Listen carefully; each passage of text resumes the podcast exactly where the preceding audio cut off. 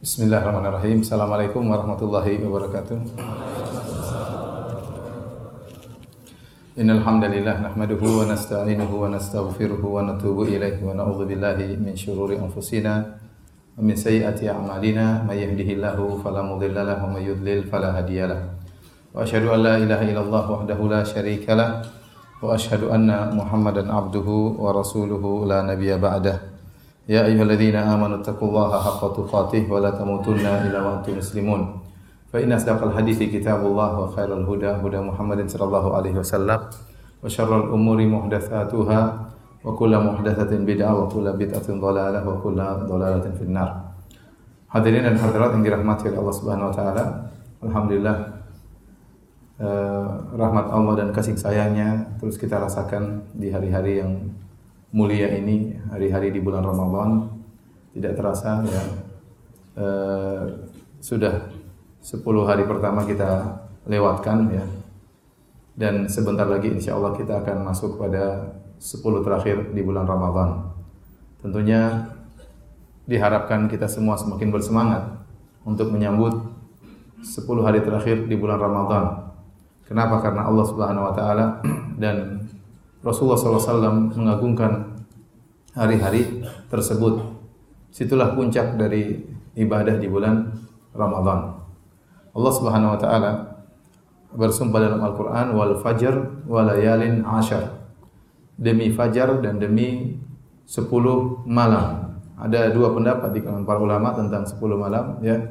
Apa yang dimaksud jumhur mufassirin maksudnya adalah 10 awal dari bulan Dhul Hijjah ya. dan sebagian ulama berpendapat karena Allah menggunakan kata walayalin malam-malam maka malam-malam di sini bukan maksudnya hari-hari bukan maksudnya pula siang tapi maksudnya benar-benar malam dan ini yang dirojikan oleh Syekh Muhammad bin Shalih Al Utsaimin bahwasanya Allah bersumpah dengan walayalin ashar maksudnya 10 malam terakhir di bulan Ramadhan. Jadi Allah Subhanahu wa taala bersumpah dengan 10 malam tersebut.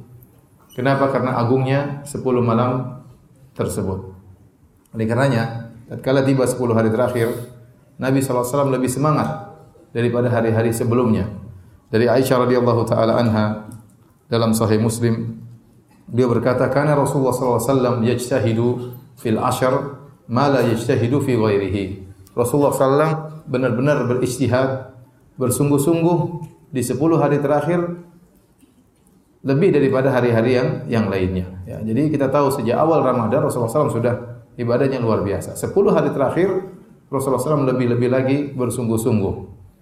Kemudian juga Aisyah radhiyallahu taala anha berkata, ya, karena Rasulullah SAW idza dakhala al-ashar ahya al-laila wa ayqadha ahlahu wa jadda wa shadda al-mi'zar.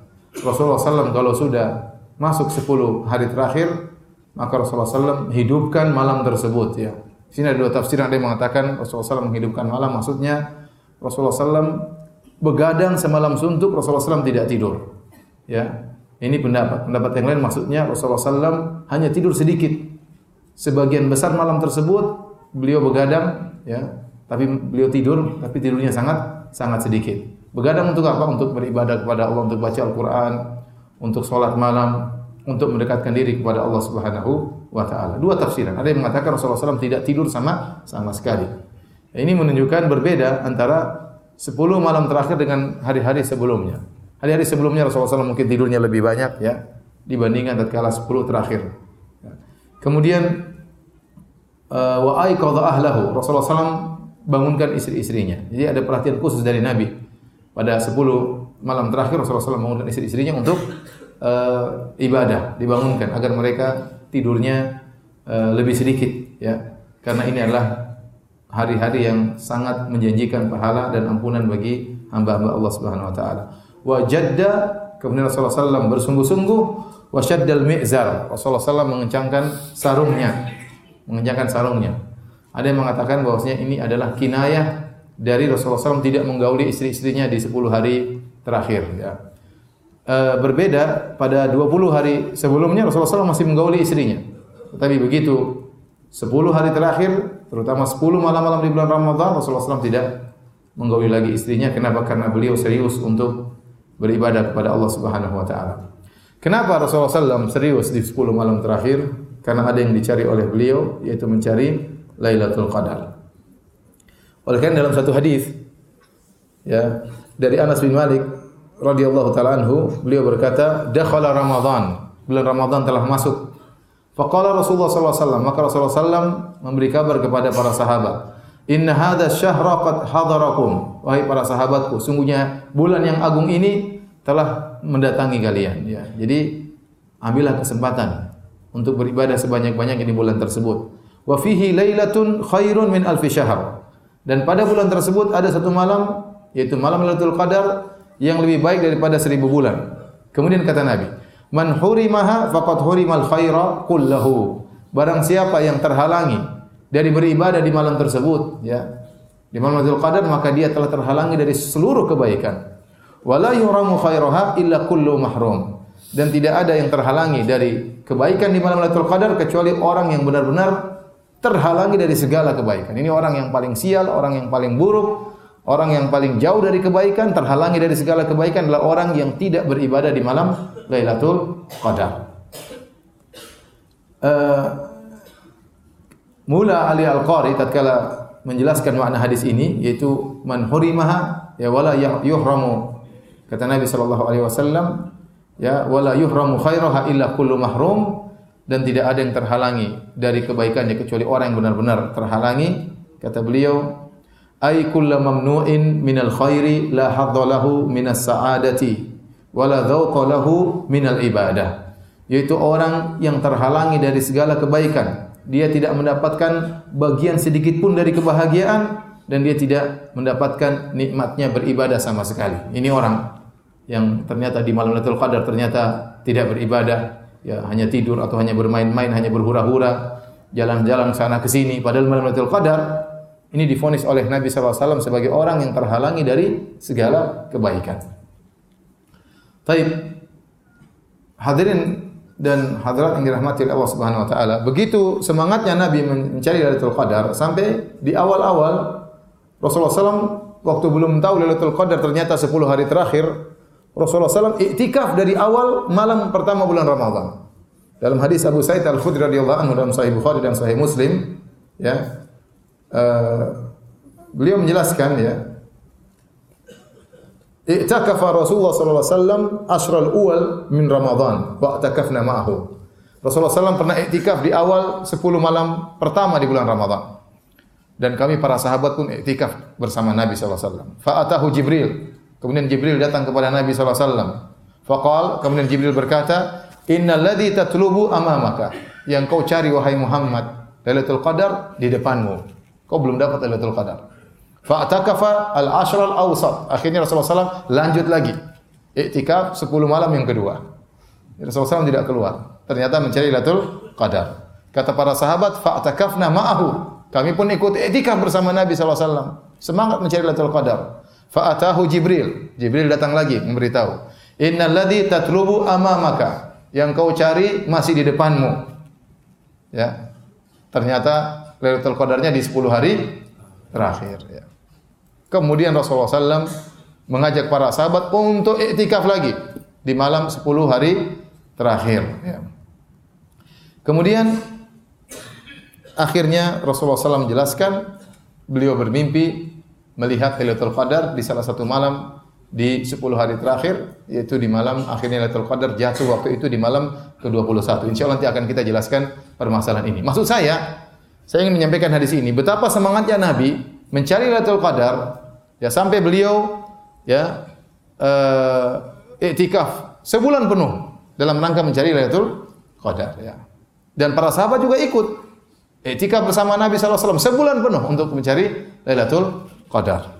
Karena kondisi terbaik seseorang tatkala di malam Lailatul Qadar adalah kondisi dia sedang iktikaf. Dia sedang iktikaf. Kenapa? Karena seluruh hari-harinya argo pahala berjalan. Dia sedang di masjid, kalau dia menunggu sholat pun dia seperti sedang sholat, ya. Jadi sementara dia waktu menunggu tersebut dia isi dengan beribadah kepada Allah dengan baca Quran dan dan yang lainnya. Taib. Jadi di antara hal yang menjadikan 10 malam terakhir itu 10 malam yang sangat hebat adalah karena dalam malam tersebut ada Lailatul Qadar.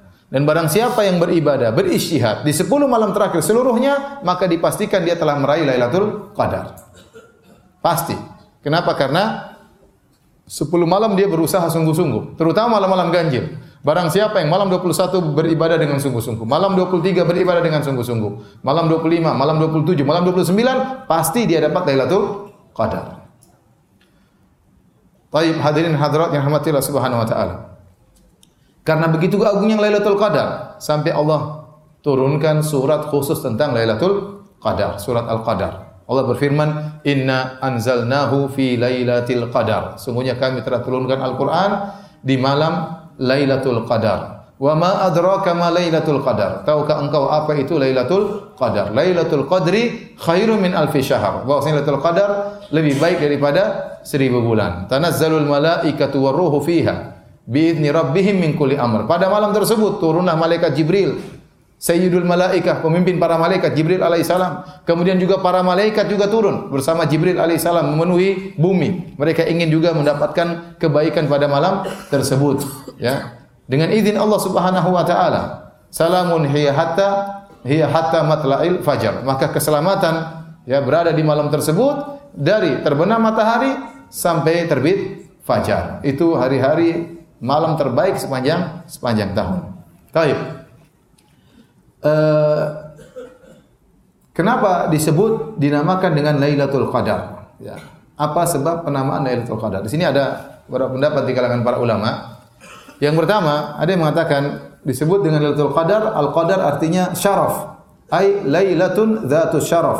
Malam yang memiliki kemuliaan. Bagaimana tidak mulia pada malam tersebut? Beribadah di malam tersebut lebih baik daripada beribadah seribu bulan. Seribu bulan itu berapa tahun? Sekitar 83 tahun. Ya, sekitar 83 tahun. Anda beribadah di malam tersebut seperti Anda beribadah 83 tahun tanpa berhenti yang 83 tahun tersebut tidak ada Lailatul Qadarnya. Dan ini dijelaskan oleh Imam Nawawi rahimahullahu taala, saya akan bacakan kepada Imam Nawawi rahimahullahu taala bahwasanya malam Lailatul Qadar ya adalah malam khusus uh, bagi umat Islam.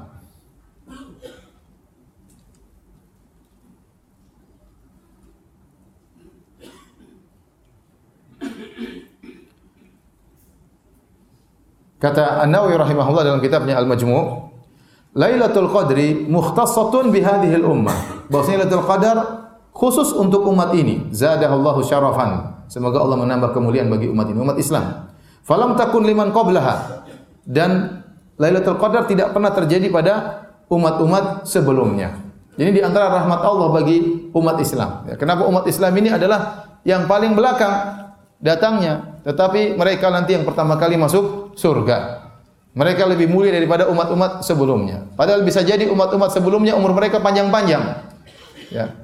Di antara hal yang menjadikan umat ini bisa melumbai umat-umat sebelumnya karena mereka diberikan Lailatul Qadar. Bayangkan Anda kalau ternyata 10 tahun dapat Lailatul Qadar terus, berarti Anda ibadahnya berapa? 830 tahun. Apalagi Anda 20 tahun dapat Lailatul Qadar terus.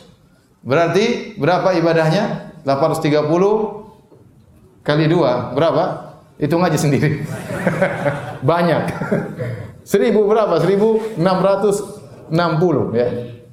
Ya, 1000 berapa? Ya sekitar gitu loh. Ya, hitungnya sendiri ya. Bayangkan berarti seakan-akan kita diberi bonus oleh umur oleh Allah Subhanahu wa taala umur yang yang panjang. Kita saja hidup belum tentu sampai 83 tahun. Kita mungkin 60 sekian sudah sudah tewas. sudah dipanggil oleh Allah Subhanahu wa taala ya. Nabi SAW dia umur cuma 63 tahun sallallahu alaihi wasallam. Jadi ini kesempatan bagi kita dan kita baru bisa merasakan hasilnya nanti kalau di akhirat. Anda tahu ternyata di malam tersebut Anda tidak sia-sia, Anda matikan HP, tidak tergiur dengan ajakan teman untuk makan di restoran malam tersebut, ternyata Anda baca Quran, Anda baru dapat hasilnya tatkala di akhirat kelak ya. Ternyata luar biasa. Anda beribadah cuma semalam tersebut seperti beribadah 83 tahun. Ya akhirnya hanya orang orang makanya tadi kata Nabi, Man hurimaha faqad hurima al khair kullahu. Barang siapa yang terhalangi dari Lailatul Qadar, maka dia memang super bahlul. Iya, ini bagaimana kesempatan kalau kita mau hitung-hitungan, ya ente beribadah cuma sebentar malam tersebut seperti beribadah 83 tahun. Luar biasa. Anda beribadah tidak dituntut. Kita malam dari maghrib sampai sampai apa namanya? sampai subuh taruhlah berapa jam taruhlah 10 jam. Bukan berarti Anda 10 jam beribadah full, tidak. Anda kan ada ibadah, potong makan, berzikir, kemudian mungkin tidur sebentar satu jam, dua jam, ya. Jadi kalau kita bilang total-total kita ibadah malam tersebut atau taruhlah kita beribadah 7 jam. 7 jam tersebut ternyata mewakili 83 tahun. Luar biasa. Ya. Oleh karena jangan sampai kita eh, apa namanya lewatkan kesempatan yang luar biasa yang Allah berikan kepada khusus bagi umat Islam. Tapi ini di antara tafsiran kenapa Lailatul, uh, malam tersebut disebut dengan Lailatul Qadar. Ai Lailatun Dzatus Syaraf. Malam yang memiliki kemuliaan karena malam tersebut lebih baik daripada seribu bulan. Yang perlu antum perhatikan, Allah tidak mengatakan malam tersebut sama dengan seribu bulan. Perhatikan ya. Tapi Allah menggunakan lafal khairun. Malam tersebut lebih baik daripada seribu bulan. Lebih baiknya seberapa kita nggak tahu. Jadi minimal seorang beribadah di malam tersebut seperti beribadah 83 tahun minimal. Bisa jadi lebih. Karena Allah menggunakan lafal lebih baik daripada seribu bulan. Artinya lebih baik daripada 83 83 tahun. Ya. Ada yang bilang Ustaz, kenapa kok gampang sekali? Ya terserah Allah, ente jangan protes. Allah mau kasih pahala banyak-banyak, ente jangan jangan protes. Sudah. Ya, sudah. Kadang-kadang orang apa namanya protes, Ustaz masa kita sholat di Masjid Kuba seperti umroh? Ya sudah, Nabi udah bilang gitu, ente tinggal kerjain aja. Kenapa protes yang kasih pahala siapa? Allah. Allah mau kasih ente pahala banyak, apa susahnya bagi Allah? Kerajaan Allah, kekayaan Allah tidak akan habis. Ya. Mau kasih anda pahala satu juta tahun beribadah juga bagi Allah mudah. Ya. Karena kekayaan Allah tanpa batas. Ya. Mudah bagi Allah subhanahu wa ta'ala. Ya ya ibadi law anna awwalakum wa akhirakum wa insakum wa jinnakum kanu fi sa'idin wahidin. Wahai hamba-hambaku, kalau kalian seluruhnya dari awal sampai akhir, jin dan manusia seluruhnya berkumpul di atas satu darat dataran. Semuanya memohon kepadaku, semuanya minta. Minta satu hari terus, ya Allah minta minta ini, minta ini enggak berhenti. Ya. Fa'ataitu kulla wahidin minhum mas'alatahu. Kemudian saya kabulkan setiap orang permintaannya tidak akan berkurang kekayaanku sama sekali kata Allah Subhanahu wa taala. Coba antum kalau disuruh minta uh, satu hari minta apa saja? Minta rumah, minta mobil, minta motor, minta apa? Wah, minta istri. diam diam. Ada istri saya di bawah ya. minta ini, minta ini, minta ini, minta ini, minta ini belum selesai minta buka lagi daftar minta ini, minta ini, minta ini terus enggak selesai. 24 jam minta minta terus Allah kabulkan. Satu dunia ini minta semuanya Allah kabulkan tidak akan mengurangi kain Allah sama sama sekali. Jadi kalau Allah kasih pahala gampang ente beribadah 7 jam, 5 jam, 4 jam di Lailatul Qadar, ibadahnya seperti 83 tahun mudah bagi Allah. Yang penting Anda beriman dan Anda kerjakan. Ya. Maka jangan sampai kita terlalaikan dari malam tersebut. Ini yang pertama, Lailatul Qadar dinamakan dengan Lailatul Qadar karena Al-Qadar dalam bahasa Arab artinya asyaraf. Ai lailatan dzata syaraf. Malam yang memiliki kemuliaan. Ini yang pertama. Yang kedua, di antara makna Lailatul Qadar, Al-Qadar maknanya adalah takdir. Ya. Namanya takdir. Kenapa? Karena setiap Lailatul Qadar Allah turunkan takdir yang disebut dengan takdir sanawi, takdir tahunan. Allah berfirman dalam surat Ad-Dukhan ayat 4, "Inna anzalnahu fi lailatin mubarakah." Sungguhnya kami menurunkan Al-Qur'an di malam yang penuh keberkahan. Inna kunna mundzirin fiha yufraku kullu amrin hakim. Pada malam tersebut ya ditetapkanlah segala perkara dengan hikmah Allah Subhanahu wa taala, yaitu ditakdirkan segala perkara. Jadi uh, tentunya Allah telah mencatat seluruh takdir. Inna Allah kataba maqadir al-khalaiq qabla an yakhluqa samawati wal ardi bi khamsina alfasana bi khamsina alfasana. Kata Nabi SAW, Sungguhnya Allah telah mencatat seluruh takdir makhluk 50 ribu tahun sebelum Allah menciptakan langit dan bumi. Allah sudah catat di Lauhil Mahfuz. Tapi tidak ada yang tahu isi Lauhil Mahfuz. Nabi tidak tahu, malaikat pun tidak tidak tahu, nggak ada yang tahu. Nah, setiap tahun sekali Allah turunkan takdir yang akan berlangsung selama setahun. Allah turunkan kepada catatan para malaikat. Allah kasih tahu para malaikat. Jadi malaikat sudah tahu apa yang terjadi sampai tahun depan sejak Lailatul Qadar. Ya tentang dibagi rezeki si fulan rezekinya sekian si fulan yang meninggal siapa aja itu diturunkan setiap malam Lailatul Qadar. Disebut dengan takdir tahunan. Takdir tahunan. Jadi uh, boleh kita katakan data dari Lauhil Mahfuz diberitahu oleh Allah kepada para malaikat cuma data buat setahun saja. Ya, itu terjadi setiap malam Lailatul Qadar. Maka dikatakan Lailatul Qadar karena pada malam tersebut ditetapkan takdir tahunan, at-takdir as-sanawi istilah para ulama. Ini pendapat kedua. Pendapat yang ketiga, kenapa disebut dengan Lailatul Qadar? Al-Qadar artinya sempit, ya. Wa amma idza mabtalahu faqadara alaihi rizqahu fayaqulu rabbi ahanan. Ya, dalam Al-Qur'an tatkala seorang Kata Allah kami mengujinya, Robnya mengujinya, faqadara alaihi rizqahu, faqadara. Lalu kami sempitkan rizkinya. Jadi qadar itu maknanya apa? Sempit, ya.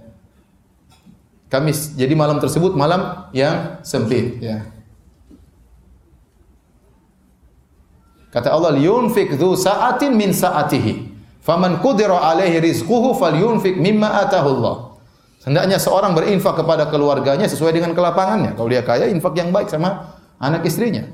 Tapi kalau dia tidak mampu kata Allah, "Faman qudira alaihi rizquhu", barang siapa yang sempit rizkinya, falyunfik mimma atahullah, maka dia berinfak semampunya. Tidak usah terlalu berlebihan karena rezekinya sempit. Kata Allah, "Falyunfik mimma atahullah", maka dia berinfak dengan semampunya. Jadi al-qadar maknanya sempit, ya. Dalam ayat yang lain wa dhannuni idzahaba mughadiban fa dhanna alla naqdiru alaihi. Dan Nabi Yunus tatkala dia pergi marah meninggalkan kaumnya fa dhanna alla naqdiru alaihi dan dia menyangka bahwasanya kami tidak akan menyempitkan urusannya. Ternyata Allah menguji dia. Jadi maksud saya al-qadar dalam bahasa Arab juga artinya apa? Sempit. Kenapa malam Lailatul Qadar dinamakan dengan malam yang sempit? Kata para ulama karena pada malam tersebut malaikat turun banyak ke atas muka bumi. Tanazzalul malaikatu waruhu fiha. Malaikat turun, kemudian malaikat Jibril juga turun, semuanya turun ingin ikut menyaksikan dan menghadiri keberkahan malam tersebut. Itu malam yang sangat indah. Ya. Bahkan disebutkan oleh para ahli tafsir, maka malaikat berjalan-jalan di masjid-masjid mencari hamba-hamba Allah Subhanahu wa taala. Mereka mengucapkan salam, salam keselamatan bagi kalian, keselamatan bagi kalian. Sebagian ahli tafsir mengatakan siapa yang diberi salam oleh malaikat maka dia diampuni oleh Allah dosa-dosanya pada malam tersebut. Jangan sampai malaikat lagi salam sama orang di masjid, ente lagi di mall ya. ya jadi salamun hiya hatta matla'il fajar, keselamatan pada malam tersebut di antara tafsiran adalah malaikat memberi salam kepada orang-orang yang sedang beribadah di malam tersebut. Jadi inilah kenapa disebut dengan Lailatul Qadar. Ya, tiga makna tadi, ya. Yang pertama malam yang mulia karena beribadah lebih dari seribu bulan halanya. Kemudian yang kedua uh, malam tersebut adalah kenapa takdir sanawi, takdir tahunan. Dan yang ketiga tadi kenapa? Karena sempit, karena banyak malaikat yang hadir di malam tersebut. Saya sering menyampaikan logika matematika buat kita semangat. Saya bilang tadi, taruhlah kita Lailatul Qadar ini coba sekarang azan uh, subuh jam berapa? Azan maghrib, azan maghrib jam berapa? 17.45. Masih lama buka puasa. 17.45. Terus azan subuh jam berapa? 4.35. Nah, dari 17.45 sampai 4.35 berapa jam? Kira-kira. Ya, 12 jam lebih. 12 jam lebih. Kita sekarang beribadah malam tersebut. Kita beribadah dipotong makan, dipotong ngobrol, dipotong tidur. Taruhlah kita potong 4 jam. Tinggal berapa? 8 8 jam. Nah, 8 jam itu kalau kita gunakan untuk beribadah, salat malam, baca Quran, zikir, berdoa kepada Allah Subhanahu wa taala, bersedekah, mencari orang untuk sedekah, telepon orang tua untuk silaturahmi, telepon kakak dan adik, ingatkan mereka, bangunkan istri, bangunkan suami. Ini kegiatan semua ini ibadah ini. 8 jam tersebut. Itu pahalanya lebih baik daripada 83 tahun. Sekarang kalau kita matematikakan, seandainya kita beribadah satu jam di situ, kita berzikir kepada Allah Subhanahu wa taala, coba sama dengan berapa coba? Coba antum hitung. 83 tahun bagi 8 sama dengan 10 tahun. Jadi kalau Anda ya beribadah satu jam di malam tersebut sama kira-kira Anda beribadah 10,3 tahun. Anda baca Quran satu jam seperti baca Quran berapa? 10 tahun. Ini biar antum semangat. Karena kalau nggak dimatematika kan antum kurang semangat. 15 menit berarti coba satu menit, satu menit coba. ya, 10 tahun bagi 60 sama dengan 0,117 tahun. Itu berapa hari itu? Kali kali berapa? 360 sama dengan Aduh salah ini Pokoknya antum hitung sendiri lah. Biar antum tahu satu menit itu sebenarnya sebenarnya berapa ya. Coba ada yang hitung nanti kasih tahu saya. Saya nanti kelamaan masih banyak mau disampaikan. Antum hitung satu menit sama dengan berapa ya? Kalau satu jam sama dengan 10 tahun berarti satu menit berapa tahun? Berapa jam? Tapi berapa hari? Jadi jangan sampai di malam Lailatul Qadar Anda tidur 8 jam. Anda tidur sama dengan 83 tahun. enggak, bercanda ya, enggak. Yang di yang diutamakan bukan tidurnya, tapi apa? Ibadahnya. Barang siapa di malam Qadar ternyata tidur melulu, ini orang yang benar-benar sial pada malam tersebut. Benar-benar terhalangi dari banyak kebaikan. Makanya Nabi SAW begadang. Sampai tadi saya sebutkan ada sebagian ulama berpendapat Nabi tidak tidur sama sekali. Namun pendapat yang lebih kuat Allah alam sawab, Nabi tidur tapi tidurnya sedikit. Ya, karena butuh juga semangat untuk ber, beribadah. Nabi bangunkan istri-istrinya, Nabi bangunkan ya keluarganya agar bisa beribadah. Maka kita di malam tersebut juga semangat bangunkan anak, bangunkan istri agar mereka beribadah kepada Allah Subhanahu wa taala. Baik. Uh, hadirin dan hadirat yang dirahmati Allah Subhanahu wa taala. Pertanyaan, kapan Lailatul Qadar? Kapan Lailatul Qadar? An Ubadah bin Samit radhiyallahu anhu dari sahabat Ubadah bin Samit dalam Sahih Bukhari beliau berkata, "Kharajan Nabi sallallahu alaihi wasallam liyukhbirana bi Lailatul Qadar." Nabi sallallahu alaihi wasallam pernah keluar menemui kami untuk mengabarkan kapan Lailatul Qadar.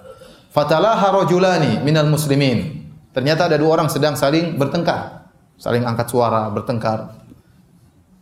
Faqala maka Rasulullah SAW berkata, "Kharajtu li ukhbirakum bi Lailatul Qadar." Tadi saya keluar untuk mengabarkan kepada kalian kapan Lailatul Qadar. Fatalaha fulan wa fulan. Ternyata si fulan dan si fulan bertengkar.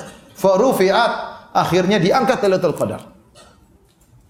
Saya tidak tahu kapan. Wa asa an yakuna khairan lakum. Dan semoga ini lebih baik bagi kalian. Faltamisuha fit tasi'ah was sabi'ah wal khamisah. Kata Nabi semoga ini lebih baik bagi kalian, maka carilah Lailatul Qadar di hari ke-9 terakhir maksudnya malam 21 dan hari ke-7 terakhir maksudnya malam 23 ya. Dan hari kelima terakhir maksudnya malam ke-25, malam 21, malam 23, malam 25. Dalam sebagian riwayat uh, demikian. Jadi dahulu Nabi tahu kapan Lailatul Qadar. Ternyata ada yang bertengkar, akhirnya diangkat oleh Allah Subhanahu wa taala. Kapan di, uh, hari hari hari tersebut? Oleh karena Allah mengatakan ini dalil tentang uh, bahayanya pertengkaran. Kalau seorang bertengkar, ribut, dengan yang lainnya keberkatan bisa diangkat oleh Allah Subhanahu wa taala. Ya kata Allah Subhanahu wa taala, "Wala tanaza'u fatafshalu wa tadhhabu rihukum wasbiru." Janganlah kalian bertanazu, janganlah kalian bertengkar, kalian akan gagal, kalian akan lemah, ya. Wa tadhhabu rihukum dan akan hilang kekuatan kalian. Maka pertengkaran itu buruk. Kita harus hindari pertengkaran sebisa mungkin. Ya, bahkan Nabi SAW waktu mengutus dua orang sahabat untuk berdakwah di Yaman kata Nabi SAW, tatawa'a wa la takhtalifa. Kalian hendaknya saling mengalah, saling mengalah dan jangan berselisih.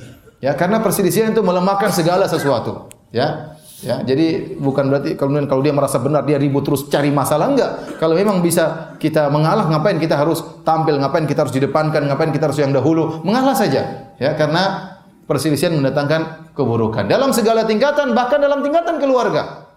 Ya, kalau ternyata seorang suami ribut melulu sama istrinya, istri tidak mau mengalah, suami tidak mau mengalah, keberkahan diangkat.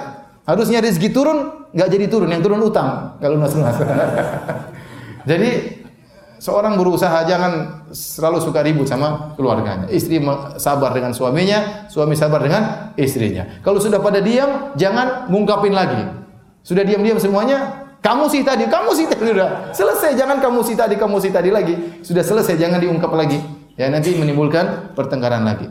Lihat tatkala ada dua sahabat bertengkar, harusnya diketahui kapan Lailatul Qadar, gara-gara pertengkaran mereka akhirnya diangkat oleh Allah Subhanahu wa taala. Ini musibah. Musibah bagi umat Islam. Tetapi setiap musibah ada hikmahnya. Kata Nabi SAW, wa asa an yakuna khairal lakum. Semoga ini lebih baik bagi kalian.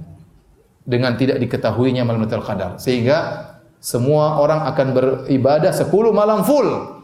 Seandainya kalau dikasih tahu ternyata Lailatul Qadar cuma malam 27, malam 21, 22 semua masjid kosong. Nanti rame cuma malam berapa? 27. Ya. Dan itu bukan kehendak syariat. Karena Ramadan yang mulia bukan cuma Lailatul Qadar saja. Semua malam apa? Mulia. Ya, maka dengan diangkatnya kapan malam tersebut Semoga ada hikmahnya dan kata Nabi wa asa an yakuna khairal lakum. Bisa jadi lebih baik bagi kalian. Baik. Kemudian setelah itu kata Nabi, faltamisuha, carilah. Di malam 21, malam 23, malam 25. Sebagian orang memahami bahwasanya Lailatul Qadar sudah tidak ada lagi.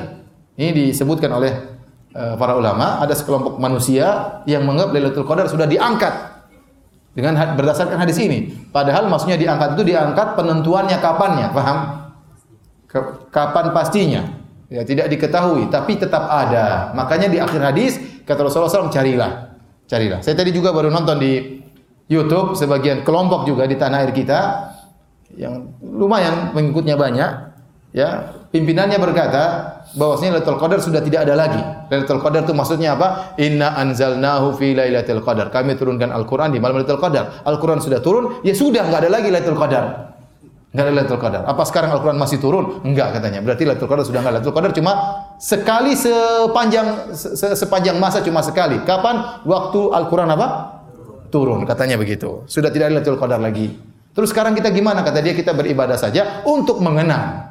Lailatul Qadar sudah enggak ada. Ini ngawur total ya. Nabi SAW waktu turun Al-Quran pertama kali di mana? Di Goa Hira. Setelah itu Rasulullah SAW masih cari Lailatul Qadar enggak? Masih cari terus meskipun sekali turun Al-Qur'an turun ya pertama kali Lailatul Qadar yaitu di malam waktu Nabi di gua Hira. Itu Nabi SAW. Apakah Al-Quran turun secara bertahap setiap Lailatul Qadar? Jawabannya tidak. Setiap ada kejadian turun Al-Quran, setiap ada kejadian turun apa? Al-Quran. Dan Nabi seumur hidupnya selalu mencari Lailatul Qadar. Dan para sahabat setelah wafatnya Nabi juga mencari Lailatul Qadar. Kemudian datang sekarang orang bahlul bilang Lailatul Qadar sudah nggak ada. Ini bahaya menafsirkan ayat dengan otaknya sendiri. Saya kasih lihat orang, saya kasih lihat, lihat kasihan lihat orang tersebut. Bahasa Arab tidak tahu. Pemimpin suatu uh, kelompok bahasa Arab tidak tahu, kemudian baca ayat salah-salah, padahal ayatnya ma masyhur. Kemudian berani menafsirkan dengan demikian menyelisih pemahaman umat Islam secara keseluruhannya. Saya ingin sebut namanya, tapi nanti kena undang-undang apa? Pencemaran. Jadi nggak usah lah. Baik, cuma saya ingatkan bahwa Lailatul Qadar ada. Ya, jangan dengarkan perkataan orang bahlul tersebut.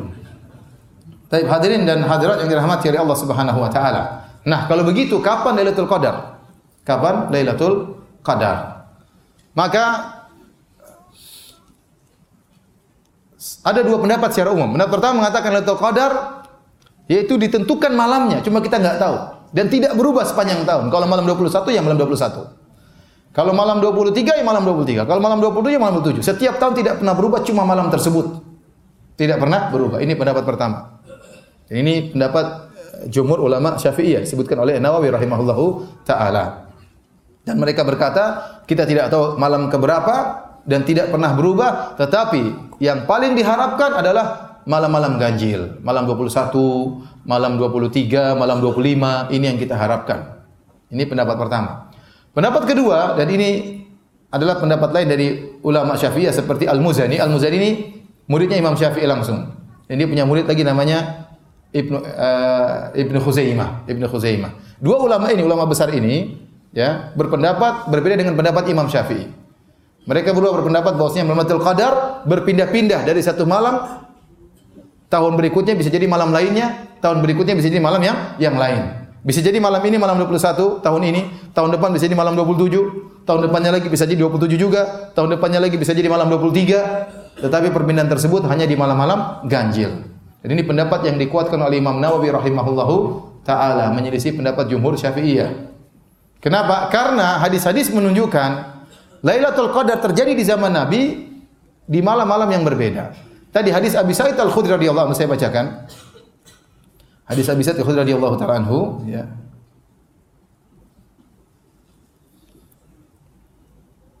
Kata Nabi sallallahu alaihi wasallam, "Wa qad uritu hadhihi lailata thumma unsituha."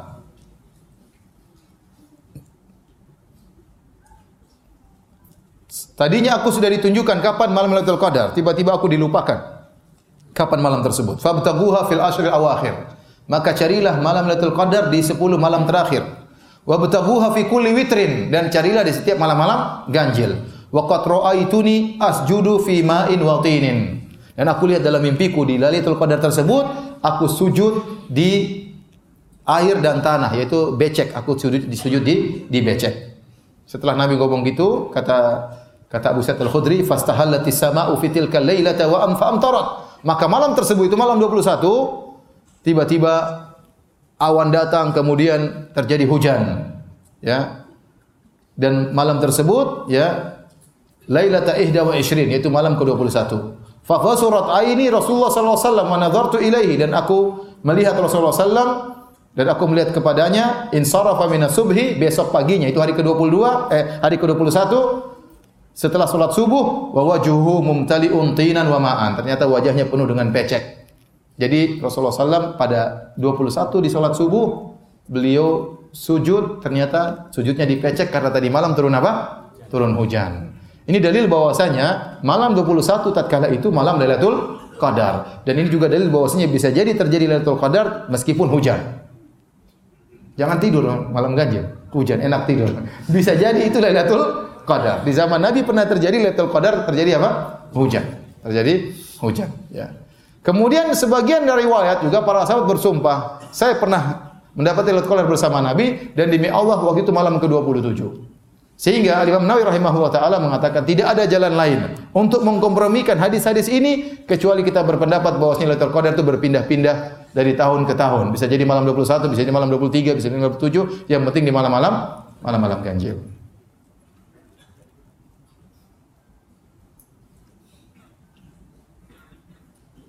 Baik, hadirin dan hadirat yang hadirat subhanahu wa ta'ala. Karenanya, di 10 hari terakhir, disyariatkan bagi kita untuk iktikaf. Untuk iktikaf. Maka pada kesempatan yang terisa ini, sebelum kita buka tanya jawab, saya akan menyampaikan sedikit tentang fikih iktikaf. ya Karena ini penting ya. Iktikaf berasal dari akafa, ukuf, yaitu melazimi suatu tempat, menempati suatu tempat. Yang dimaksud di sini adalah menempati masjid dalam rangka untuk beribadah kepada Allah tidak keluar dari masjid kecuali ada keperluan yang darurat. Dalam rangka apa? Untuk mencari Lailatul Qadar. Ya. Uh, hakikat dari i'tikaf sebagaimana perkataan dari Ibnu Rajab Al-Hambali dalam kitabnya Lataiful Ma'arif bahwasanya i'tikaf adalah uh, qat'ul alaik anil khalaiq bi khidmatil khaliq. Kata beliau bahwasanya hakikat daripada etikaf adalah memutuskan segala hubungan dengan makhluk dan menyambung koneksi dengan pencipta Allah Subhanahu wa taala. Ini hakikat etikaf. Jadi kita beretikaf tujuannya adalah untuk membiasakan diri berkhulwat dengan Allah Subhanahu wa taala. Bersendirian dengan Allah Subhanahu wa taala, berdua-duaan dengan Allah Subhanahu wa taala. Ya. Semakin seorang makrifatnya tinggi kepada Allah, dia semakin berlezat-lezatan dalam berkhulwat bersama Allah Subhanahu wa taala. Dan memang di sana ada waktu kita harus berkhulwat. Oleh karenanya di antaranya kita disyariatkan untuk salat malam tatkala orang-orang tidur. Kata Nabi sallallahu alaihi wasallam, "Wa sallu bil lail wan nasu niyam, tadkhulul jannata bisalam." Salatlah kalian tatkala orang-orang sedang tidur. Niscaya kalian masuk surga dengan penuh keselamatan. Itu kita cuma berkoneksi dengan Allah, yang lain semua orang tidur. Ini di antara contoh kita dianjurkan untuk berkhulwat dengan Allah Subhanahu wa taala. Contohnya lagi Rasulullah SAW bersabda, ya di antara tujuh golongan yang Allah akan naungi pada hari kiamat kelak, kata Nabi SAW, Rajulun dzakarallaha khalian fafadat aina. Seorang yang dia mengingat Allah tatkala dia bersendirian, tidak ada orang lain. Kemudian dia pun menangis. Ini keutamaan mengingat Allah sampai menangis tatkala bersendirian. Bukan menangis di depan banyak orang, tidak. Dia bersendirian, tidak ada yang lihat. Ya, hanya Allah yang melihatnya. Lantas dia mengingat keagungan Allah, lantas dia menangis. Ini orang akan dinaungi pada hari kiamat kelak. Menunjukkan dia berkhulwat, bersendirian. Kata Allah, khaliyah, dia bersendirian. Contoh lagi seperti hadis tersebut juga kata Nabi SAW di antara tujuh golongan yang Allah naungi pada hari kiamat kelak, rajulani tahabba fillah, ijtama'a alaihi wa tafarraqa alaihi. Dua orang yang saling mencintai karena Allah Subhanahu wa taala yang mereka bertemu karena Allah dan berpisah karena Allah Subhanahu wa taala. Bertemu karena Allah kita paham, bertemu ada kegiatan karena Allah Subhanahu wa taala dan kata Nabi berpisah karena Allah. Apa maksudnya berpisah karena Allah? Di antara tafsirannya Yaitu seorang yang akhirnya dia lagi bersemangat berbicara dengan temannya yang dia cintai karena Allah, akhirnya dia tinggalkan temannya kenapa? Agar dia bisa konsentrasi ibadah. Dia senang ber, berbicara ngobrol sama kawannya tersebut, tapi kalau ngobrol terus kapan beribadah? Maka dia minta izin supaya apa? Dia bisa baca Quran.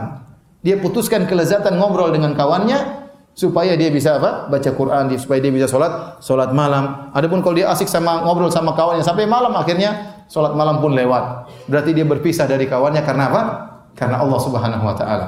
Ya. Jadi kita sebenarnya diajar oleh syariat agar kita sering berkhulwat ya, bersendirian bersama Allah Subhanahu wa taala. Dan di antara syariat yang mengajarkan akan tersebut adalah masalah etikaf. Etikaf. Sampai-sampai disebutkan dalam riwayat Nabi SAW membuat semacam kemah di masjid. Ya. Ya, Nabi SAW masuk dalam kemah tersebut supaya sempurna keterputusan seorang dari orang lain ya. Supaya tidak ngobrol-ngobrol terus ya. Maka seorang tatkala etikaf niatnya yang benar ya.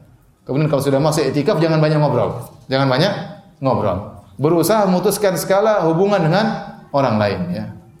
Adapun kemudian etikaf ya, ngobrol terus isinya ya. Ini bukan etikaf yang sesungguhnya, bukan etikaf yang sejati ya. Kemudian kumpul bareng-bareng ya nanti itikaf malam ini ya. Iya. Kamu bawa nasi goreng, kamu bawa tahu goreng ya. Saya bawa kopi, kamu bawa teh. Kemudian kumpul bareng ngobrol, namanya warung kopi pindah ke Masjid Al Ikhlas. Kalau kita makan-makan ngobrol tak tatkala buka nggak ada masalah. Tapi setelah isya ngobrol terus sejam dua jam ya, akhi. Malam Lailatul Qadar kita ngobrol makan-makan apa namanya gorengan ya. Enggak ya. Ya, maka tatkala kita etikaf kita konsentrasi. Terlebih-lebih lagi lebih parah orang tatkala i'tikaf masih jualan online. Ini lebih parah. Sedangkan tidak i'tikaf tidak boleh Anda jualan di masjid. Apalagi sedang apa? I'tikaf. Masih jualan online. Berapa? Berapa? Ya berapa?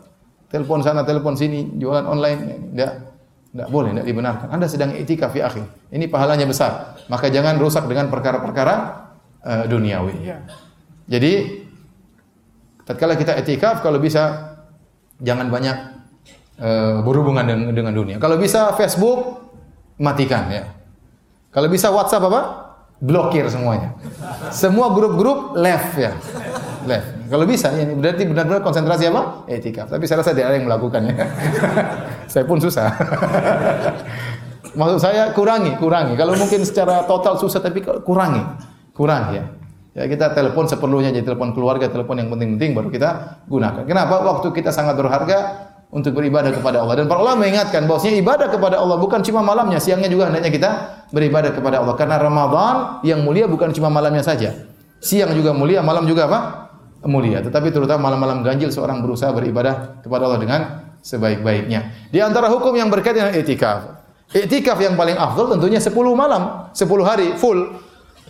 Masuk di malam 21 atau di pagi uh, di pagi hari 20 ya. Ada dua pendapat kemudian sampai 10 hari dia iktikaf. Ini yang paling afdal sebagaimana iktikafnya Nabi sallallahu alaihi wasallam. Tapi kalau dia tidak mampu, tidak harus dia iktikaf 10 hari. Ini masalah sunnah, perkara yang sunnah yang dianjurkan semampunya seorang iktikaf. Kalau dia tidak mampu iktikaf 10 hari, dia iktikaf yang dia mampu. Iktikaf yang dia dia mampu. Dua malam, tiga malam, empat malam, lima hari, enam hari, tujuh hari, terserah yang dia mampu. Kalau dia tidak mampu lagi selama satu hari, paling tidak etikaf malam saja atau siang saja. Dan ini adalah waktu terpendek untuk etikaf menurut pendapat sebagian ulama. Ya, sebagaimana dalam hadis ya kata Umar bin Khattab radhiyallahu taala anhu, "Kuntu nadartu fil jahiliyah an a'takifa lailatan fil Masjidil Haram." Aku pernah bernadar waktu di zaman jahiliyah kata Umar untuk etikaf satu malam di Masjidil Haram. Ya, maka kata Rasulullah SAW, "Aufi binadrik, laksanakanlah nadarmu." Berarti iktikaf itu boleh seorang masuk sebelum maghrib dan keluar setelah subuh, boleh. Sudah sah iktikafnya ya, iktikafnya. Maka seorang berusaha kalau tidak bisa iktikaf siang hari, iktikaf malam hari. Tidak bisa iktikaf malam hari, iktikaf apa? Siang hari. Intinya dia sisihkan waktu untuk dia berkhulwat dengan Allah Subhanahu wa taala agar dia sibuk dengan ibadah. Sekali-sekali tinggalkan dunia, kemudian apa? Baca Quran, baca tafsir, belajar, nuntut ilmu, semuanya ibadah kita uh, lakukan, ya. Kemudian tatkala i'tikaf di antara hal yang membatalkan i'tikaf eh, sebelumnya i'tikaf boleh di mana? I'tikaf hanya di masjid. Hanya di masjid. Ya, ada khilaf di kalangan para ulama mengatakan untuk wanita boleh etikaf di musalla rumahnya, tapi yang yang benar bahwasanya etikaf harus di masjid. Makanya setelah Nabi SAW meninggal dunia, para istri-istri Nabi etikaf di Masjid Nabawi. Mereka etikafnya di masjid bukan di kamar-kamar mereka, bukan di rumah-rumah mereka. Jadi etikaf harus di masjid. Kata Allah Subhanahu wa taala, "Wala tubashiruhunna wa antum aakifuna fil masajid." Janganlah kalian mencumbui istri-istri kalian sementara kalian sedang iktikaf di masjid-masjid. Berarti iktikaf syaratnya harus di di masjid ya. Di masjid yang di situ diadakan salat lima lima waktu. Di masjid mana pun silakan iktikaf di masjid. Kemudian uh, dan di daerah mana kita boleh iktikaf? Selama di masjid boleh. Di di luar situ boleh ya. Di mana areal pelataran boleh. Di ruang takmir boleh. Yang sementing masih dalam bangunan masjid. Di perpustakaan masjid juga boleh. Yang paling afdal tentunya di ruang utama. Ini paling afdal. Tetapi selama masih dalam masjid, maka boleh untuk apa? Iktikaf. Boleh untuk iktikaf. Kemarin saya ditanya sama seorang, Ustaz, saya mau iktikaf di Masjid Nabawi. Tetapi saya buka puasanya di luar setelah di, di pelataran maksudnya. Saya nggak langsung masuk masjid, saya ngobrol-ngobrol dulu sama keluarga. Mungkin setelah sholat tarawih baru saya masuk. Boleh nggak? Ya boleh. Tapi kau niat iktikaf sejak sebelum terbenam matahari. Karena di pelataran Masjid Nabawi pun sudah boleh untuk apa? Iktikaf. Paham? Baik. Di antara hal yang batalkan iktikaf pertama mubasyarah, mencumbui, mencumbui istri.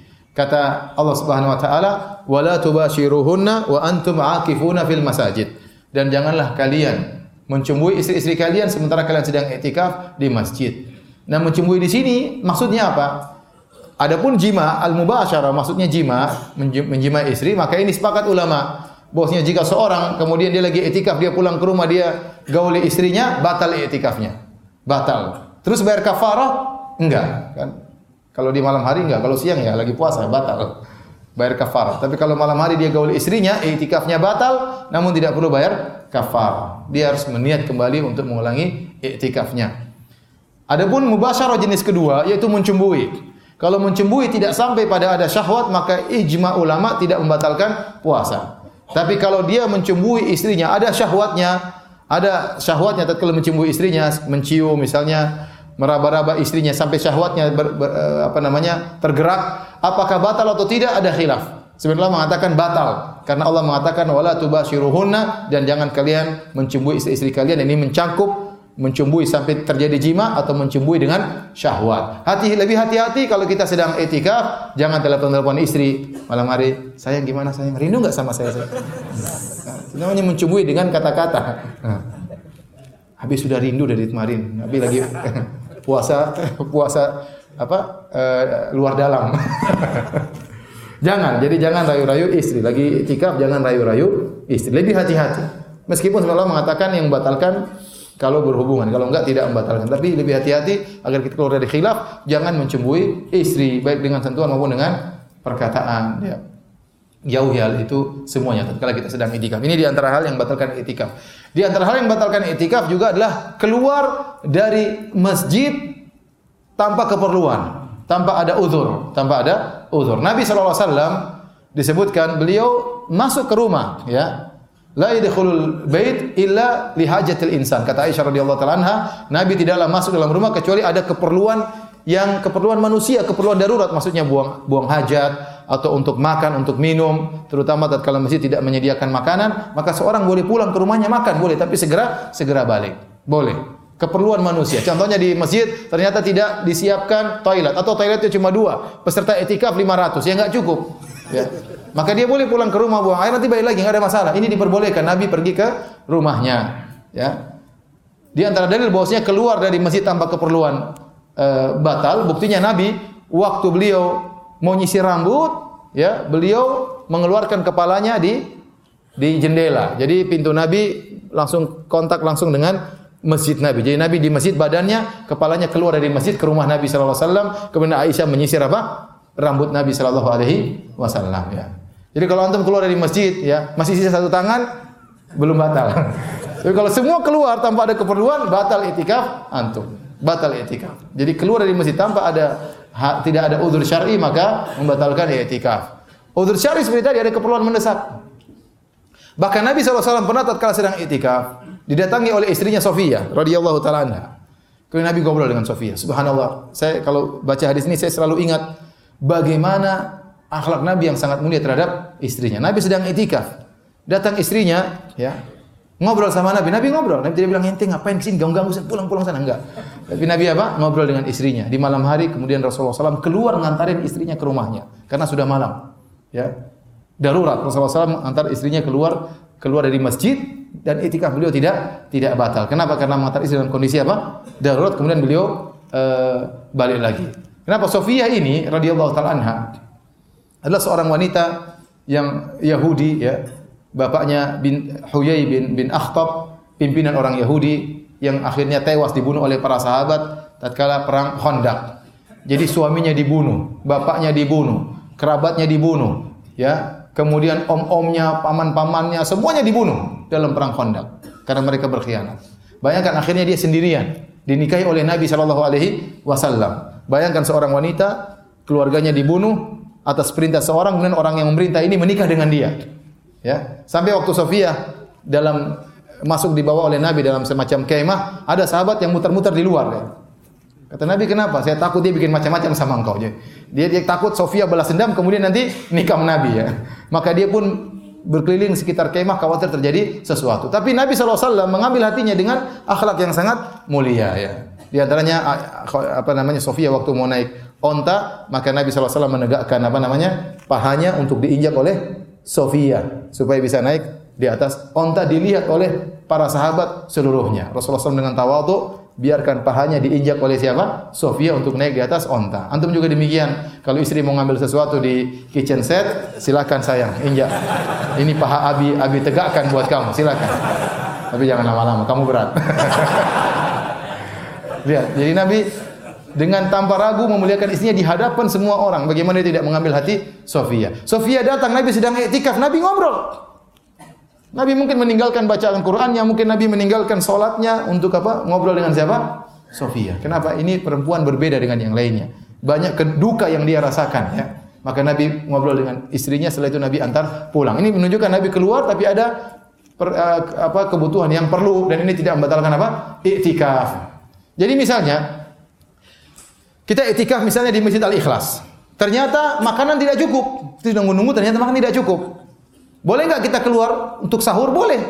Kita lapar. Atau kita misalnya istikaf di Masjid Al-Ikhlas ternyata makanan yang disediakan kurang enak. Kita nggak bisa makan, kita nggak bisa makan. Kita punya standar tersendiri. Ini nggak bisa. Apa kita boleh keluar? Boleh, boleh. Tapi seperlunya. Kita ingin cari makan, oh, cari warung Padang. Naik mobil segera makan warung Padang, kemudian kita balik seperlunya. Ya. Tapi jangan bilang yang warung Padang di sana lebih enak, 3 kilo. Nah, itu nggak boleh. Cari yang sekitarnya saja yang seperlunya ya. Adapun kalau keluar tanpa ada keperluan, maka membatalkan apa? Iktikaf ya. Jadi eh, seorang berusaha untuk iktikaf dan menjauhi hal-hal yang bisa membatalkan iktikaf di antaranya keluar tanpa ada eh, keperluan. Sama seperti saya katakan teman-teman yang mungkin iktikaf di Masjid Haram.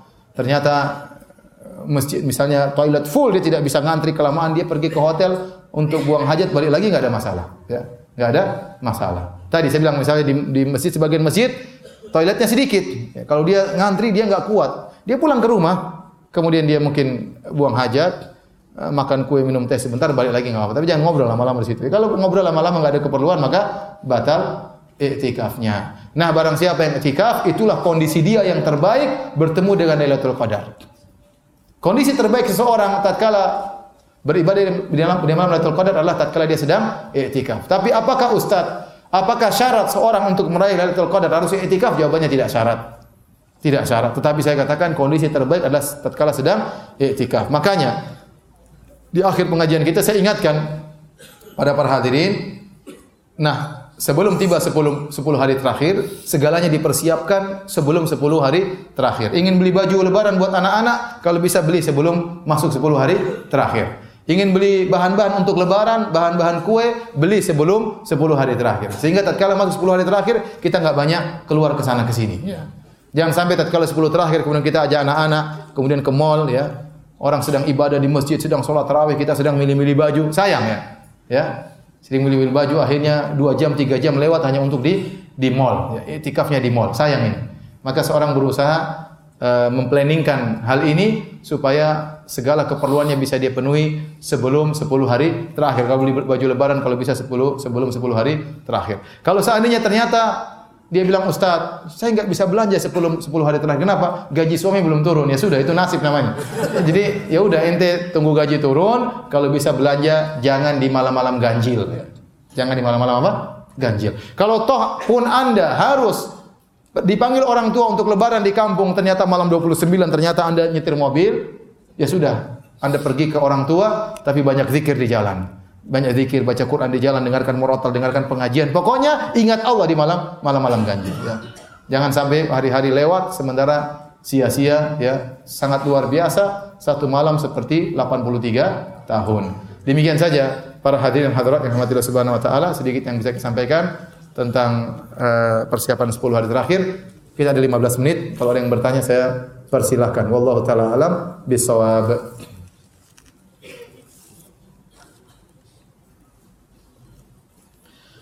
Ustaz di masjid kami pelaksanaan salat tarawih ada dua imam. Pertama salat tarawih 8 rakaat oleh imam pertama, kemudian berhenti dan kemudian dilanjutkan salat witir oleh imam lain. Sebagian jemaah menunggu. Kemudian imam pertama tadi melanjutkan sampai witir 20 bersama 20 rakaat bersama sebagian jemaah tadi, kemudian witir. Bagaimana sikap kami? Sebaiknya Anda salat sampai selesai 23 rakaat. Ya. Karena imam yang dimaksudkan masih nunggu, dia belum selesai apa? Salatnya. Sebaiknya Anda salat sampai 23 rakaat sampai imam tadi selesai ya. Ini lebih afdal dan lebih jelas kita mendapatkan apa? Uh, pahala dalam hadis man shalla ma'al imami hatta yansarif kutiba lahu qiyamul lailah barang siapa yang salat bersama imam sampai dia selesai dicatat baginya salat semalam suntuk karena kalau kita salat ikut delapan kemudian kita witir imam tadi belum selesai dia masih mau lanjut dia masih mau mau lanjut maka seorang berusaha salat bersama imamnya sampai selesai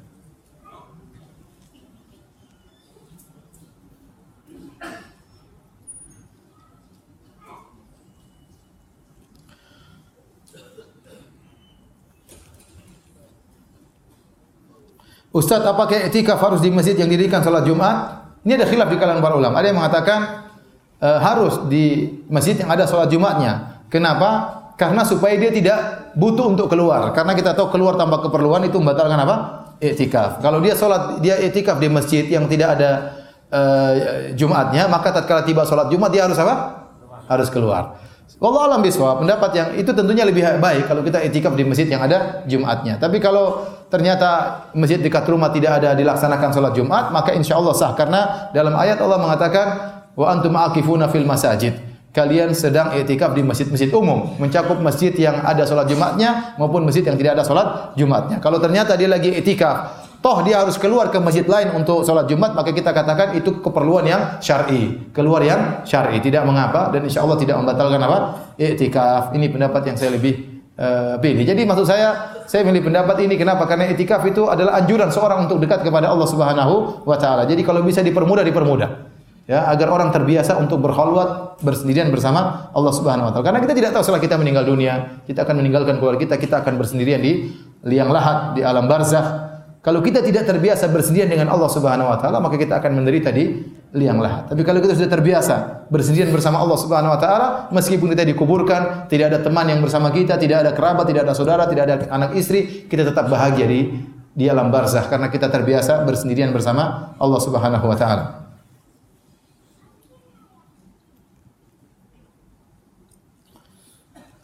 Ustaz, bolehkah itikaf pindah-pindah masjid? Misalnya malam 21, 22, 23, 24 di masjid A. Malam 25, 29 di masjid B, ya. Ya, tidak ada larangan, tidak jadi masalah ya. Ya, tapi kalau dia bisa itikaf 10 hari full tentu lebih lebih baik. Tapi kalau dia mau itikaf sebagian hari, itikaf sebagian hari tidak, empat hari pertama di masjid A, dua hari terakhir di masjid lain, ya, karena di situ sahurnya enak, ya, boleh-boleh saja, tidak dilarang, tidak dilarang.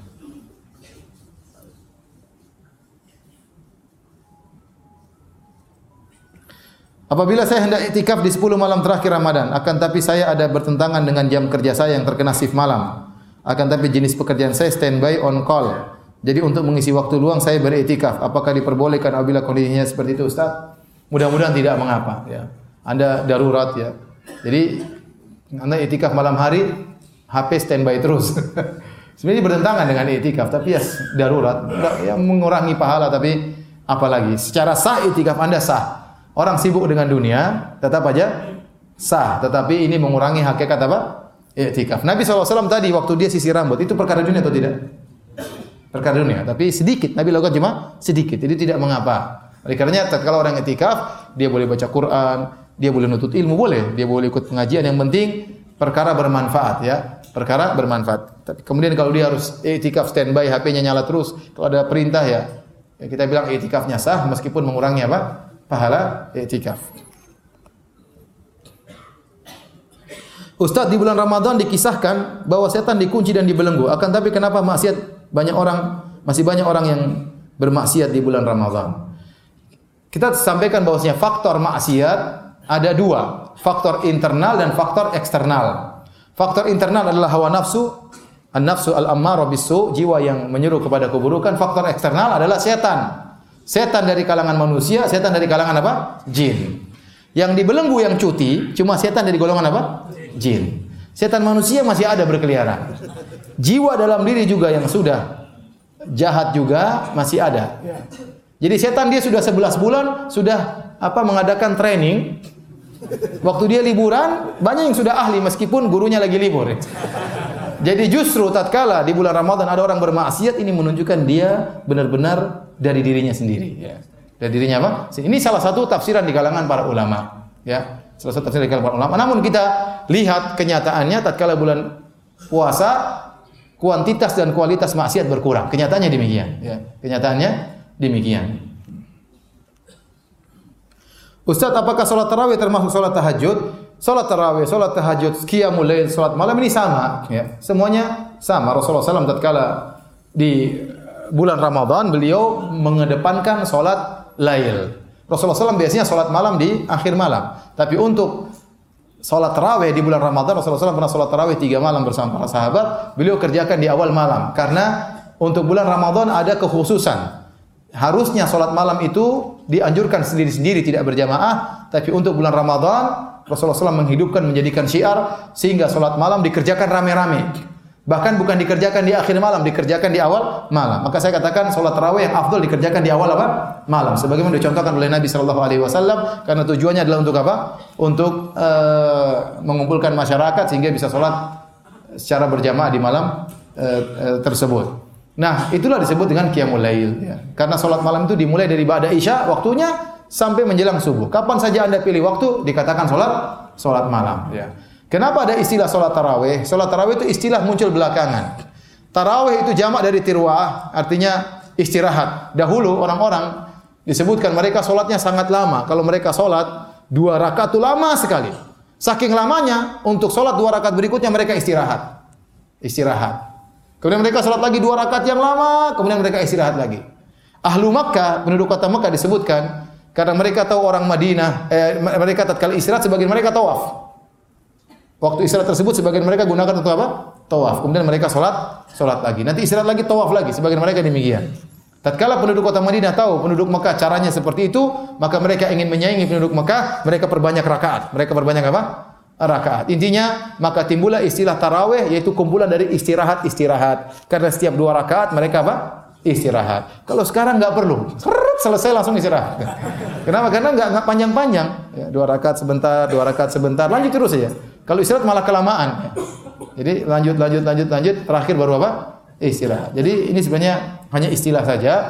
Uh, kalau kalau di luar bulan Ramadan, tahajud dianjurkan seorang Tidur dulu kemudian apa? Bangun. Tapi tidur bukan merupakan syarat sholat malam. Seorang sholat malam tanpa tidur terlebih dahulu juga boleh. Ini hanyalah sama semuanya. Semuanya hakikatnya adalah sholat malam. Hanya saja taraweh adalah sholat malam yang dilakukan berjamaah di bulan Ramadan. Ustadz kakak saya terkena gangguan jin selama bertahun-tahun dan selama itu pula tidak pernah puasa sama sekali karena rasa sakit yang tidak bisa ditahan. Bolehkah membatalkan puasa karena sakitnya itu? Tapi ketika tidak puasa sakitnya berkurang Ustaz. Dan apakah cara membayar hutang puasa ini dengan uzur karena penyakit yang menahun? Yang Ustaz pernah jelaskan, apakah harus bayar fidyah? Kalau kenyataannya demikian, kalau dia sakit dia tidak kuat karena kalau dia puasa dia merasakan sakit yang dia tidak bisa tahan, maka dia batalkan puasanya kalau memang benar-benar apa? Dia tidak bisa kuat untuk berpuasa, dan dia bayar fidyah karena penyakitnya tidak sembuh-sembuh. Dia bayar fidyah. Adakah hadis yang menyatakan mulai jam berapa sampai jam berapa datangnya Lailatul Qadar? Lailatul Qadar itu dari awal sampai akhir. Bukan cuma jam 12 lewat 5 menit sebentar, enggak. Lailatul Qadar itu dari terbenam matahari sampai terbit apa? Fajar. Makanya kata Allah salamun hiya hatta matla'il fajar. Bahwasanya keselamatan terus berlangsung sampai terbit apa? Fajar. Jadi Lailatul Qadar dimulai sejak terbit tenggelam matahari sampai terbit apa? Fajar. Ustadz mau nanya, bagaimana hukumnya? Mohon maaf, kalau seandainya kemaluan kita terbangun, kemaluan kita terbangun, berdiri tanpa sengaja di siang hari, pada saat berpuasa, tanpa ada sesuatu yang menimbulkan syahwat. Misalnya bangun dari tidur siang, tiba-tiba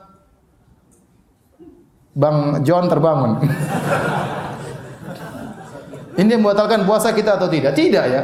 Jangankan terbangun, bahkan seandainya bermimpi sampai eh, keluar air mani juga tidak membatalkan apa? Puasa. Yang penting jangan sengaja untuk mengeluarkan. Tapi kalau tertidur kemudian Bang Johnnya terbangun, kemudian aduh, nanti ada John tersinggung ya, jangan. Ya. Si abang terbangun misalnya, nanti dihapus ya. Maka tidak membatalkan apa? Puasa.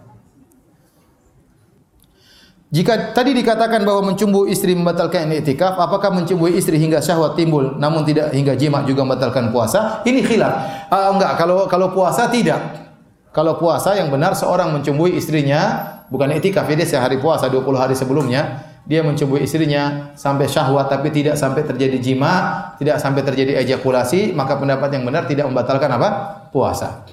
Ya hanya cumbuan yang menimbulkan ejakulasi atau cumbuan yang menimbulkan senggama itulah yang membatalkan puasa. Ustaz, apakah seorang wanita yang tidak bisa iktikaf di masjid bisa meraih malam Lailatul Qadar? Ya bisa. Jadi Lailatul Qadar sebenarnya itu di Lailatul Qadar itu dirasakan oleh seluruhnya. Kita semua akan mendapatkan Lailatul Qadar. Tetapi yang jadi pertanyaan bagaimana kondisi kita tatkala di malam tersebut? Bagaimana kondisi kita? Ya, sebagaimana Ramadan, Ramadan dialami seluruhnya. Orang muslimin, orang kafir juga mendapati Ramadan. Tetapi bagaimana kondisi dia tatkala di bulan Ramadan? Ya, sama seperti tatkala Lailatul Qadar, semua orang malam tersebut mengenai semuanya. Tetapi bagaimana kondisi dia tatkala di malam tersebut? Seorang kondisi terbaik adalah itikaf. Namun kalau ternyata seorang wanita tidak bisa etikaf, maka di malam ganjil terutama dia baca Quran, dia berzikir, dia banyak berdoa kepada Allah Subhanahu wa taala sebagaimana Aisyah pernah bertanya kepada Nabi sallallahu alaihi wasallam, "Ya Rasulullah, ingat waktu Nabi etikaf, istri-istrinya tidak etikaf. Setelah Nabi meninggal baru kemudian istrinya apa pada etikaf, ya. Aisyah pernah berkata, "Ya Rasulullah, lau alimta ayya lailatin lailatul qadri, madza aqulu fiha?" Ya Rasulullah, kalau aku tahu ternyata itu malam Lailatul Qadar. Apa yang harus aku ucapkan? Kata Nabi SAW, Kuli Allahumma innaka afun tuhibbul afwa fa'fu anni. Berdoalah wahai Aisyah, ya Allah semuanya engkau adalah maha pengampun, engkau mencintai pengampunan, maka ampunilah diriku. Maka ini dalil bahwasanya tatkala di malam Lailatul Qadar kita dianjurkan juga banyak berdoa. Jadi banyak baca Quran, banyak sholat malam, banyak berzikir, banyak berdoa. Kalau kita bisa sedekah, kirim lewat rekening kepada saudara, pada kerabat, pada orang tua, Lailatul Qadar malam-malam ganjil, kita lakukan yang sebisa kita lakukan. Ustaz, insya Allah Ramadan ini kami ada rencana etikaf di Masjidil Haram. Mohon kiat-kiatnya. Sabar ya. Masjidil Haram padat, sangat padat ya. Kalau dahulu tidak sepadat sekarang ya. Sekarang orang-orang umroh semakin banyak ya, terutama bulan Ramadan, maka di sana pahalanya sangat besar, maka butuh kesabaran lebih apa? Ekstra ya. Jangan sampai marah-marah, jangan sampai ribut-ribut. Itikaf dengan penuh kesabaran. Sering terjadi orang sedang itikaf, dia pergi buang air, lokasinya diambil oleh orang lain, dikuasai sama orang orang lain. Ini itu sering terjadi. Maka dia harus bersabar. Dia harus bersabar. Dia harus cari caranya bagaimana agar bisa e, mendapatkan tempat dan jangan mendolimi orang lain. Jangan mendolimi orang lain. Maksud dia untuk melaksanakan sunnah tapi jangan terjerumus pada mendolimi orang lain. Dan insya Allah uh, mudah meskipun saya katakan berat tapi buktinya banyak orang yang itikaf di sana. Para wanita, orang tua, ya mereka bisa itikaf apalagi kita yang mungkin masih diberi kelebihan harta, masih masih muda, insya Allah bisa. Ya jangan seperti kita waktu hajian. Terkadang kita saya hajian berjalan kaki, terkadang kita capek tapi kita lihat ada orang tua pakai tongkat haji subhanallah. Ada yang jalan dengan tangannya berhaji, gimana kita nggak semangat? Nenek-nenek jalan kaki ya. Dengan melihat seperti itu kita akan menjadi apa? Terpacu, termotivasi. Maka demikian juga etikaf. Kelihatannya berat tetapi kita lihat banyak orang yang etikaf seperti seperti kita dan mereka mampu Allah beri kemudahan ya buktinya mereka mampu mereka bisa buang air bisa buang air mereka bisa tidur mereka bisa makan ya dan bersabar karena pahalanya sangat besar demikian saja kajian kita para hadirin hadirat. Mohon maaf banyak pertanyaan tidak bisa saya jawab karena kekurangan ilmu.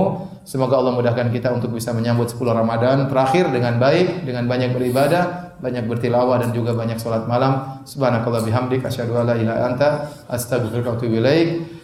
Assalamualaikum warahmatullahi wabarakatuh.